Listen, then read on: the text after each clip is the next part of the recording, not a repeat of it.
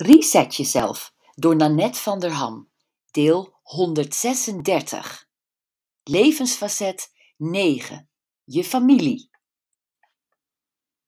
Ik deed eens de rapportoefening met een vrouw van in de 30, die een heel laag cijfer gaf aan het levensfacet familie. Ze gaf een heel hoog cijfer aan werk en carrière. Toen ik haar naar de succesfactoren vroeg van die hoge score, zei ze triomfantelijk: Nou, die zijn er niet. Jouw oefening klopt dus gewoon niet. Het kwam me gewoon allemaal aanwaaien. En waarom heeft familie zo'n laag cijfer bij jou? vroeg ik.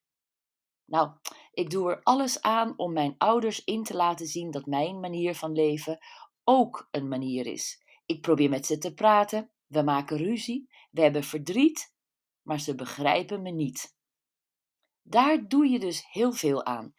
En aan je hoge score levensfacet, carrière en opleiding dus niet, vatte ik samen. Klopt. Hmm.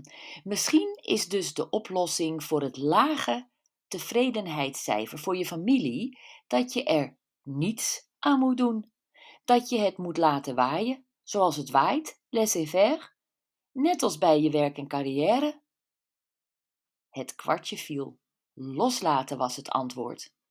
Wil je gelijk hebben of wil je gelukkig zijn? Misschien wil je allebei, maar als je geen gelijk krijgt, zul je het ermee moeten doen. En waarschijnlijk heb je ook maar 50% gelijk, omdat alles perceptie en opinie is.